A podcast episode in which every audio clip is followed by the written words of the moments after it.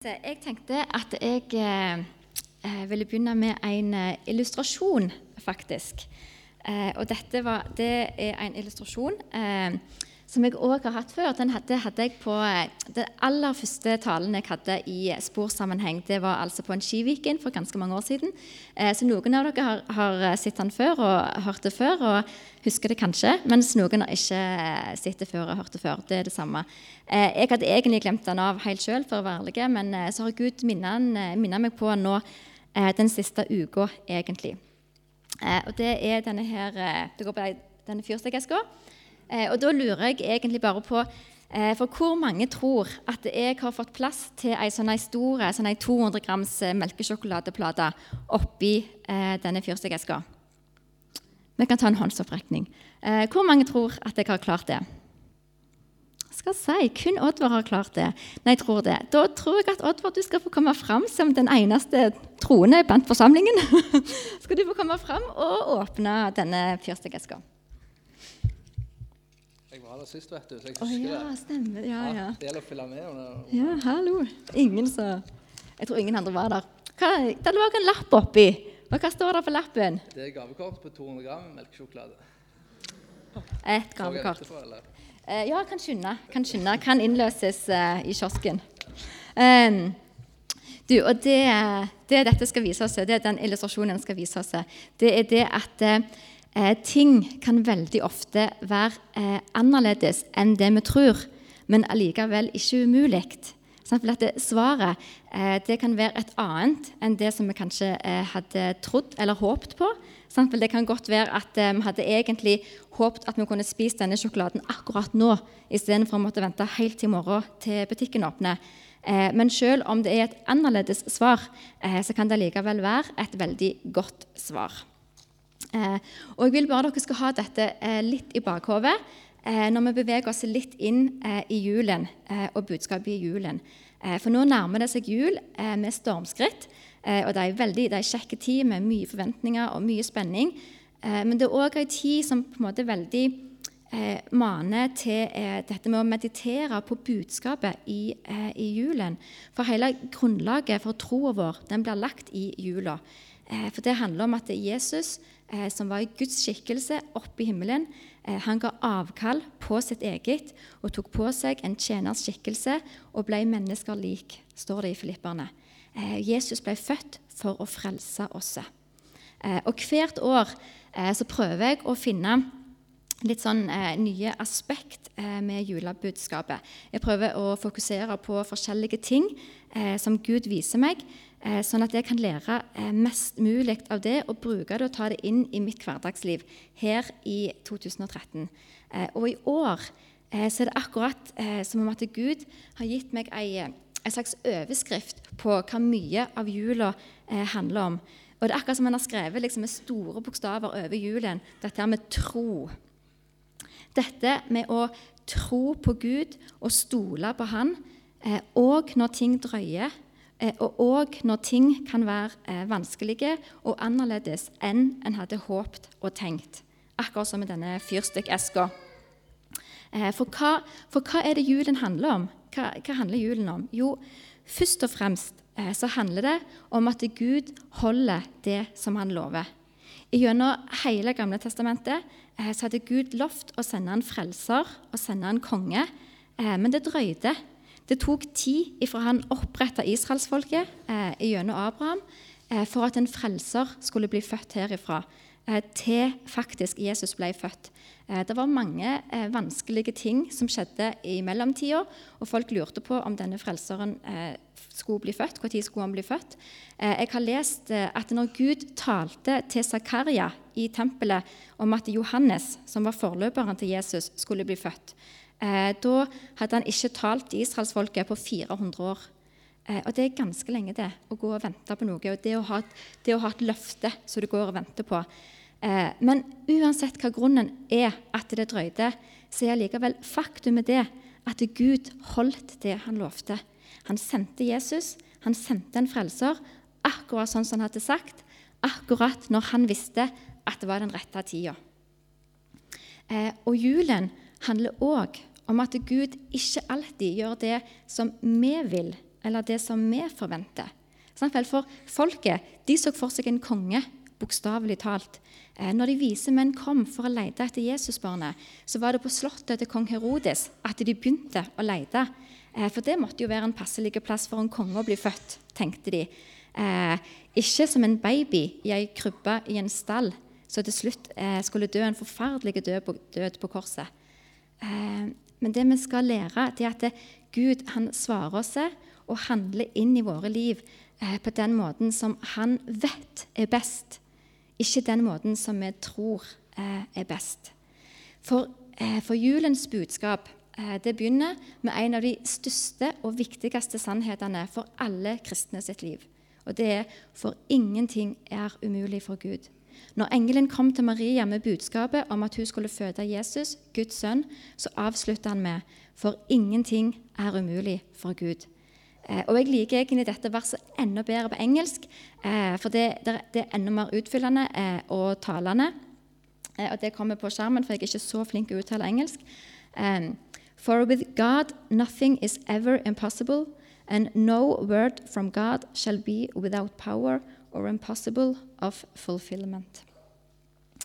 Altså uansett eh, hvor vanskelige situasjoner eh, vi står oppe i, så kan alltid Gud bringe forandring eh, og gjenopprettelse. Eh, men vi må ikke eh, la oss lure av omstendighetene og følelsene våre. Eh, for Gud han har all makt i himmel og på jord, og han er ikke avhengig av verken de rette, de rette omstendighetene eller de rette følelsene for å kunne hjelpe oss. Han er kun avhengig av troa vår. Eh, at vi, at vi, tror på han, at vi tror at han er med oss. Eh, for det er, da, det er da vi åpner opp for at han skal få lov til å kunne hjelpe oss og virke i oss. Og når det gjelder Maria og det er sånn, jeg, jeg ser det bare mer og mer, eh, at hun, hun, er virkelig et forbilde for oss kristne når det kommer til dette med tro eh, og lydighet. Eh, for Se bare forskjellen i responsen som hun og Zakaria har Eh, for begge to får beskjed fra en engel om at de skal få en sønn. Eh, og for Zakaria så var dette et etterlengta bønnesvar. Han eh, og Elisabeth de hadde bedt om en sønn over lang, lang, lang tid. Det var et etterlengta bønnesvar. Mens for Maria så var det starten på en situasjon som ville bli veldig, veldig vanskelig. Men når Zakaria får beskjeden, får budskapet fra engelen, så svarer han hvordan kan jeg være sikker på dette? Han ville ha tegn, han ville ha bekreftelse før han kunne tro, før han klarte å tro. Eh, mens Maria hun svarer, 'Jeg er Herrens tjenerinne. La det skje med meg sånn som du har sagt.' Og Det er et utrolig sterkt svar. Bare tenk over hva hun egentlig svarer der. Og det som jeg tenker, Tenk om det kunne vært vår respons til Gud på alt det som skjer i våre liv. Uansett om det er gode ting eller om det er vanskelige ting. La det skje med meg sånn som du har sagt. Um, for det er en enorm ting uh, av Gud å be Maria om. Uh, og jeg er sikker på at det føltes helt uoverkommelig og helt umulig. Og fysisk sett så var det jo umulig òg. Eh, men ikke, ikke, bare selve graviditeten, men altså alt rundt. sant vel, Snakket, ryktene, fordømmelsen eh, frykten. Sant vel? Hva skal skje? Hvordan skal det skje? Hvordan vil det bli? Eh, men jeg tror at det som Gud eh, vil lære oss gjennom dette, og det som Gud holder på å lære meg i mitt liv, eh, det er dette med at Gud vil aldri be deg om å gjøre noe som han ikke òg gir deg styrken til å gjøre. Og Det er en enormt dyp sannhet. At Gud vil aldri be deg om å gjøre noe som han ikke òg gir deg styrken til, til å gjøre. Eh, det han trenger fra oss, eh, det er lydigheten til å si ja. Det er troa eh, på at han er med oss, og at han tar vare på oss. Og Det er mange forskjellige ting Gud kan be oss om å gjøre, som kan kreve mye. det kan være å tilgi, enten om det er andre mennesker, eller kanskje mest av alt må vi kanskje tilgi oss sjøl. Eh, det kan være å gi vekk ting, gi vekk penger, gi vekk ting som vi tror betyr mye for oss. Eh, det kan være å pleie en spesiell relasjon. Det kan være å gå og fortelle andre mennesker om Gud. Eh, eller det kan være helt andre ting som går på å kanskje det å endre en livsstil, kanskje det å bytte en jobb. Eh, men uansett hva det er Gud ber oss om, så vil han aldri be oss om å gjøre noe som han ikke òg gir oss styrken til å gjøre. Eh, og en, en universelle ting eh, som Gud eh, ber alle kristne om å gjøre, eh, det går på dette her eh, med å elske andre, med å leve for andre mennesker, med å leve eh, uselviske liv, ikke leve egoistisk. Han sier at vi skal glemme oss sjøl og det som vi har lyst til, og at vi skal leve for Gud og for andre mennesker. vi skal legge ned våre egne liv og gjøre det som er til det beste for andre mennesker og for Guds rike. Eh, og dette er jo Maria et utrolig eh, bra eksempel på. Eh, og det vil, se, det vil se, annerledes ut i våre liv, men offeret, om en kan kalle det det, det vil være det samme. La det skje med meg sånn som du har sagt. For når vi tenker på dette her, dette valget om å leve på denne måten, om å leve ikke egoistisk For det er jo et valg det egentlig handler om. Eh, vil jeg leve for meg? Vil jeg leve for andre? Eh, så vil det nesten alltid være noe inni oss som på en måte skriker Men hva med meg? Hva med det jeg har lyst på? Hva med meg? Eh, men Bibelen sier at når vi gjør eh, det som Gud ber oss om å gjøre, eh, så vil Han ta vare på oss. Så vil Han passe på oss. Eh, og det er et bibelsk prinsipp at vi høster det vi sår. Eh, og alt det vi gjør i lydighet til Gud, det er noe vi sår, og som vi vil høste gode frukt av.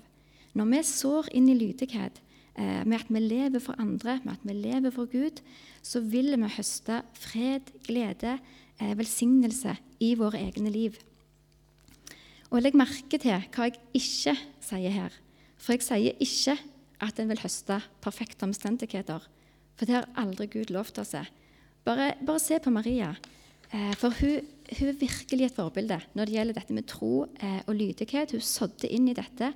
Og Den hellige ånd sa til henne gjennom Elisabeth at hun var velsigna over alle kvinner. Men omstendighetene for Maria de var langt ifra perfekte.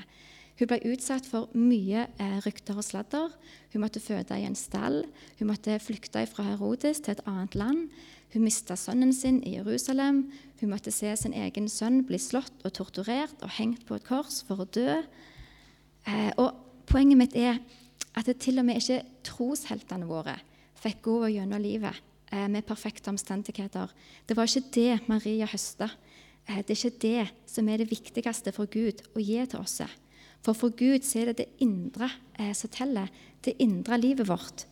For når vi har et sterkt indre liv, når vi er fylt med Guds fred, med Guds glede, med Guds kjærlighet, eh, ikke på grunn av omstendighetene, men på tross av omstendighetene veldig ofte, da er vi så mye sterkere, både som mennesker og som kristne, enn om det kun er omstendighetene våre som er veldig bra. For Gud han vet eh, at verden kan ikke gi oss det som hjertet vårt trenger. Det er det kun Han som kan gi oss. Det er det kun Gud som kan gi oss. Eh, så forstår dere hva jeg prøver å si her? Eh, at det, det er ikke omstendighetene våre som definerer hvem vi er. Det er ikke omstendighetene våre eh, som skal avgjøre hvordan vi har det, og om vi vandrer i seier og autoritet eller ikke. Eh, det er det indre livet vårt. Det er relasjonen vår med Gud, eh, troa vår på Gud eh, og hva vi lar oss fylle oss med. Det er ikke de perfekte omstendighetene som gjør oss sterke, men det er det indre. Det er det indre livet vårt med Gud. Og jeg er veldig glad i historien om når Jesus stiller stormen. For Jesus, Jesus visste at stormen var underveis. Jesus visste at det ville bli en tøff og vanskelig tur for disiplene. Men allikevel var det han som sa til disiplene La oss gå over til den andre sida. Eh, og hvorfor, kan en tenke? Hvorfor ville Jesus at disiplene skulle oppleve eh, noe vondt? Hvorfor ville han at de skulle bli redde? Hvorfor ville han utsette dem for noe som gjorde at de kanskje aldri mer turte å gå ut i en båt igjen? Eh, jo, for Jesus visste òg at det var en hensikt. Han visste at når disiplene hadde kommet vel i land, når disiplene hadde kommet over på den andre sida, da hadde de òg fått et nytt syn på Jesus. Eh, de hadde lært å tro på han og stole på han på en helt ny måte. For de hadde fått erfart han. De hadde, de hadde fått erfart hans makt, hans evne til å gripe inn. Og da var det verdt det. Eh, og Det som jeg òg finner så mye trøst i i denne historien, er dette med at Jesus visste. Han visste om stormen, til og med før han begynte. Før han sendte de ut igjen. Eh, og han vet om stormene i mitt liv og i ditt liv. Han vet om de vanskelige og tøffe tinga eh, som vi står oppi. Men veldig ofte eh, så tar ikke Gud oss ut av situasjonen. Men han gir oss kraft og styrke til å gå gjennom situasjonen. For noen ting, noen ting må han bare eh, oppleve og erfare eh, for å virkelig på en måte klare å forstå og for å kunne klare å dele videre. og noen ting må en gå gjennom for å virkelig lære Gud å kjenne. Ikke bare kjenne han gjennom det som andre mennesker sier, ikke bare kjenne han gjennom hva vi leser i bøker, ikke bare kjenne han gjennom sanger som vi synger, eh, men å kjenne han helt personlig inni hjertet. Eh, for det er sånn troa vår vokser. Eh, og I historien om offiseren i Kapernaum så snakker Jesus om å ha en stor tro, en sterk tro. Og hva vil det si å ha en sterk tro? Eh, og det som jeg tenker, det er at eh, troa den ser på Jesus eh, og hva han kan gjøre. Men òg veldig ofte så ser en òg på alle omstendighetene. Sykdom, økonomiske problemer, vanskelige relasjoner, svik, løgn. Eh, og så blir det skapt tvil. For det blir vanskelig å tro. Det blir vanskelig å tro at dette, dette kan faktisk ordne seg. Dette kan Gud faktisk eh, gjøre noe med. For fokuset på omstendighetene det tar vekk Guds løfter eh, og Guds storhet. Og Det er da jeg tenker at ei en sterk tro eh, det å kun se på Jesus. Kun ha fokuset på han og hans evige sannheter om framtid og håp og makt til å gripe inn, uansett hvordan omstendighetene ser ut. Jeg tenker at En sterk tro eh, det er fullstendig tillit mot alle odds. Mot alle odds. Og jeg tenker på én ting til når jeg tenker på ei sterk tro. Eh, og det går på dette her med tålmodighet. Eh, vi, må, vi, må, liksom lære at vi er ikke ansvarlige for at Guds løfter skal gå i oppfyllelse. Eh, det er akkurat som Abraham og Sara. De var lovt en sønn av Gud, eh, men tida gikk og gikk og gikk, og gikk, og det kom ingen sønn. Eh, og til slutt så, så fikk de Ismael i egen kraft. De tenkte at nå må vi bare gjøre noe sjøl, da. Så fikk de Ismael. Men det var ikke han Gud hadde lovt dem. Det var ikke den sønnen Gud hadde lovt dem. Eh, for vi må lære at det er ikke vi som er ansvarlige for at Guds løfte skal gå i oppfyllelse. Eh, og en sterk tro eh, det, det, innebærer dette med å lære å overlate kontrollen til Gud og la Han ta seg av situasjonen selv om det kan ta tid. Sånn som for Abraham og Sara. da. Ti år, ti år etter løftet om en sønn, så fikk de Ismael. Og 13 år etter dette igjen, er 23 år, så fikk de Isak, som var den sønnen som Gud hadde lovt dem. Eh, men uansett hvor lang tid det tok, uansett om det drøyde, så gikk Guds løfte i oppfyllelse. Og på en måte så er det sånn tenker jeg, at ventetida det gjorde egentlig at hele situasjonen ble på en måte bare enda større. Eh, for da hadde de endt opp med å bli så gamle at de umulig kunne fått en unge sjøl i egen kraft. De hadde kun igjen troa, og Gud gjorde det umulige. For ingenting er umulig for Gud. Eh, og det, det å virkelig å tro på Gud i både små ting og store ting, det er så viktig. Vi blir, vi blir litt sånn frakobla fra Gud hvis vi ikke bevisst tror at alt det som Gud taler om i Bibelen, det gjelder òg meg. Det gjelder òg oss. Eh, for tro, eh, tro det, handler om, det handler om mer enn frelsen. Eh, dette med å tro at Jesus døde på korset for meg. Det er utrolig viktig å tro det. Det er det som fører oss til himmelen. Det er grunnlaget for kristenlivet vårt, for troa vår. Men vi har òg et liv her nede på jorda der vi trenger Gud. Og troa handler òg om hverdagen, om hele livet mitt. Det handler om å faktisk tro eh, at Gud ser oss, at han bryr seg om oss, at han vil det beste for oss, at han er med oss i alt det vi gjør. Eh, for Hvis vi tror at det bare gjelder alle andre, men ikke meg, eh, så fjerner vi oss ifra Gud. Vi stiller oss ikke åpen eh, for å la han faktisk få gjøre alt dette. For Gud kan. Det vitner, hele Bibelen om. Men, men hva da med skuffelsen? Når det ikke går sånn som jeg hadde tenkt eller jeg hadde håpet, eller når ting drøyer. Sånn, sånn som med fyrstikkeska. Når du, du ser for deg at 'jeg vil ha den sjokoladen akkurat nå', og så viste det seg at det egentlig var et gavekort som du må få i morgen, sånn, så blir jeg litt skuffa. Um, ehm, og sånn, sånn, kan det være i kristenlivet vårt òg. Ting går ikke alltid sånn vi hadde håpet eller tenkt. Uh, ting kan drøye lenger enn det vi hadde håpet. Um, og dette med skuffelsen, uh, det, er, det, er, på en måte en del av troa vår. Uh, og det er en vanskelig del av troa. Eh, men jeg tror, jeg tror, det er to ting som vi må prøve å på en måte bare ha for oss eh, når vi blir skuffa. Eh, når vi blir skuffa over at Gud ikke svarer oss sånn som vi hadde trodd eller håpet.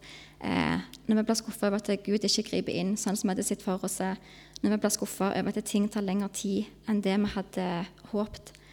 Da tror jeg at det, for det første så må vi være klar over, være bevisst på, at Gud kan òg hjelpe oss gjennom skuffelsen skuffelsen. Eh, han kan gi oss styrke til å gå gjennom. Og for det andre så må vi vite at Gud eh, kan gjøre vår største skuffelse til vårt største vitnesbyrd. Eh, han kan gjøre ting mye bedre enn vi har forstand til å be om. Og om det ikke føles sånn akkurat der og da, så er det av og til faktisk en velsignelse at han ikke svarer oss sånn som vi vil, når vi vil. Eh, for om ti år ifra nå av så ser vi kanskje at han hadde noe mye bedre og større planlagt for oss enn vi var i stand til å tenke. Eh, men vi må, men vi må stole på Gud og tro på Han òg i denne tida. Eh, og Gud, Gud, kan hjelpe oss gjennom skuffelsen, og han kan gjøre vår største skuffelse til vårt største vitnesbyrd.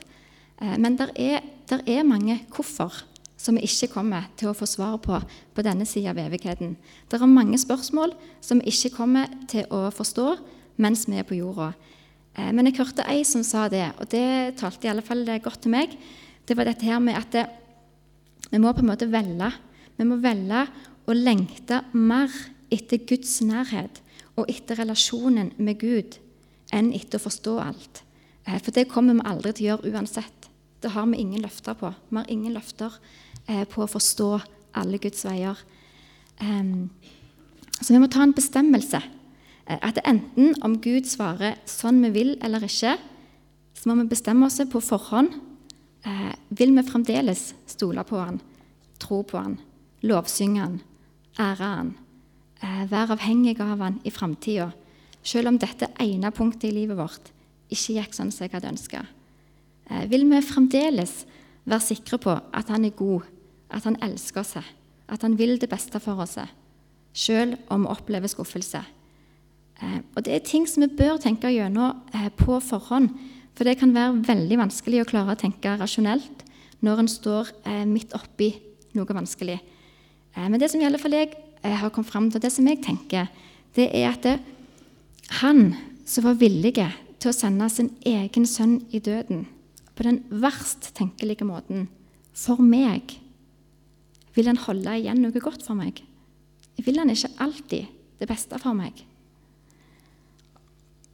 Eh, ting, ting, kan virke uforstående for oss, ting kan virke helt ute av kontroll. Eh, men det er så viktig å være grunnfesta i at Gud har kontroll, og han har gode tanker, selv om det kanskje ikke virker sånn.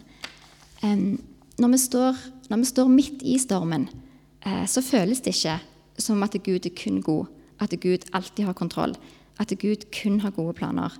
Eh, det føles ikke sånn i det hele tatt. Det føles helt motsatt. Eh, men det er da vi må velge. Eh, vi må velge å tro at Bibelen er mer sann enn mine følelser. Det Bibelen sier, er mer sant enn det som jeg føler akkurat nå. Vi må velge å tro at Guds sannheter og løfter gjelder meg òg.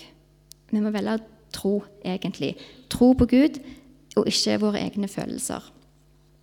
Det er helt lov å ha vonde følelser. Det er helt lov å ikke eh, alltid ha det bra. Det er ikke det jeg sier. Eh, det er lov. Bibelen er full av det. Bibelen er full av salmer der David klager ut sin nød eh, til Gud. Um, vi skal ikke ha dårlig samvittighet for følelsene våre. Det er ikke det jeg sier. Men vi skal ikke la følelsene våre få definere Gud og hvem vi er i Gud, og hva Gud tenker om oss. Det er det kun Bibelen som skal få lov til å gjøre. Eh, og jeg, eh, jeg, er jo veldig glad i bilder. Jeg er veldig glad i å, eh, i å se for meg ting. Og Gud har gitt meg et bilde av dette med at han, at han, er alltid trofast, at han er stødig, at han forandrer seg ikke, han er evig. Og det er, Hvis du ser for deg et stort rom, og så midt i rommet så er det ei tjukk søyle, veldig solide. og det er liksom Gud. og så kan du se for deg at det, Eh, hele rommet det er bare kaos. Eh, det er akkurat som det er en stor storm inni rommet, og alt bare fyker rundt. Det, alt er bare kaos. Og, eh, og, i dette bildet da, så er det sånn, jeg klarer liksom ikke å stå på beina engang, men jeg fyker liksom bare helt sånn loddrett. Um, og så ser jeg liksom hvordan jeg på en måte holder rundt denne her søyla. da. Eh, for, den, for denne søyla så jeg at hun rokker seg ikke engang. Uansett hvordan alt fyker rundt, så den står hun helt stødig. Eh, og uansett hvor hardt jeg holder, uansett hvor hardt ting prøver å dra meg vekk, så står hun helt stødig, hun rokker seg ikke. Så får jeg lov til å bare klynge meg til, eh, til denne her søyla og blir liksom ikke en del av alt kaoset som blåser rundt meg. Og Det er kanskje litt vanskelig å se for seg, litt, et litt vanskelig bilde å forklare. Men clouet er i alle fall at det om alt rundt oss virker kaotisk og vanskelig, Eh, så er Gud uforanderlig, så er han stødig, så er han evig, så er han sterk. Eh, og det er viktig å ta med seg. Og Jeg skal bare si én ting til eh, som jeg tror er viktig å få med seg. Og det er viktig å få det med seg på en måte før det skjer, eller hva jeg skal si, sånn at en kan, kan være bevisst på det før det skjer. Og det er dette her med at djevelen han prøver alltid å utnytte skuffelsen vår. Um, alltid. Um, han har stjålet mange kristne uh, sin, uh, si tro uh, og glede gjennom dette. Eh, for han fyller oss med løgn. Sant vel? Ser du, du trodde på ham, men han svarte deg ikke. Han bryr seg ikke om deg lenger. Han, nå, nå, er han ikke glad i deg lenger. Eh, hans mål det er å så tvil og få oss vekk eh, ifra Gud. og da det er så viktig ikke la djevelen eh, få fotfeste i tankene dine og hjertet ditt eh, når en opplever skuffelse. Men bare prøv å være bevisst på det. Og Det er derfor jeg sier det nå eh, på forhånd, eh, sånn at en kan vite om det og bestemme oss på forhånd. Eh, at djevelen han skal ikke få utnytte min skuffelse. Eh, for det er så lett å gå inn i skuffelsen. Det er så lett å sette opp murer rundt seg, eh, rundt hjertet vårt, mot andre mennesker, mot Gud, og kun fokusere på det som en ikke forstår. Men det beste det er å fokusere på det som Gud faktisk har gjort i livet ditt. Han har frelst deg. Begynn der, om du ikke kommer på noe annet. Hvordan kan han ville noen ting annet enn godt for deg når han har sendt sin egen sønn til jorda til å dø? kun for deg. Um, og prøv kanskje òg å ta med deg og husk noe av det som jeg har sagt nå i kveld. Uh, jeg tror at for noen jeg tror at for noen så taler jeg rett inn i livet ditt. Uh, at du står i en storm, du har opplevd skuffelse, du trenger virkelig å fornye troa di og få fokuset på å tro igjen. Jeg tror at for andre uh, så ligger det litt lenger framme. Um, det er ikke sikkert det betyr så kjempemye akkurat nå, Eh, men jeg ber om at du likevel skal ta det med deg eh, og prøve å tenke på det og ta det fram eh, hvis du en dag skulle trenge det. Og jeg klarte vel å snakke meg litt vekk fra selve julen. Men, men, alt i alt så, så, handler julen om tro. Det handler om alt dette her som jeg, har, som jeg har snakket om. Om dette med å tro på Gud og klare å stole på Han òg når ting drøyer, eh, og òg når svarene kan komme annerledes enn vi hadde tenkt eller håpt. Eh, og jeg håper at vi kan ta med oss det som engelen sa til Maria. Ingenting er umulig for Gud. Eh, og at vi kan gå inn i jula og inn i det nye året med ei fornya tro på en Gud som kan gjøre uendelig mye mer enn alt det vi ber om og forstår. For så heldige er vi at han får vi lov til å tro på, han får vi lov til å stole på. Det er et privilegium.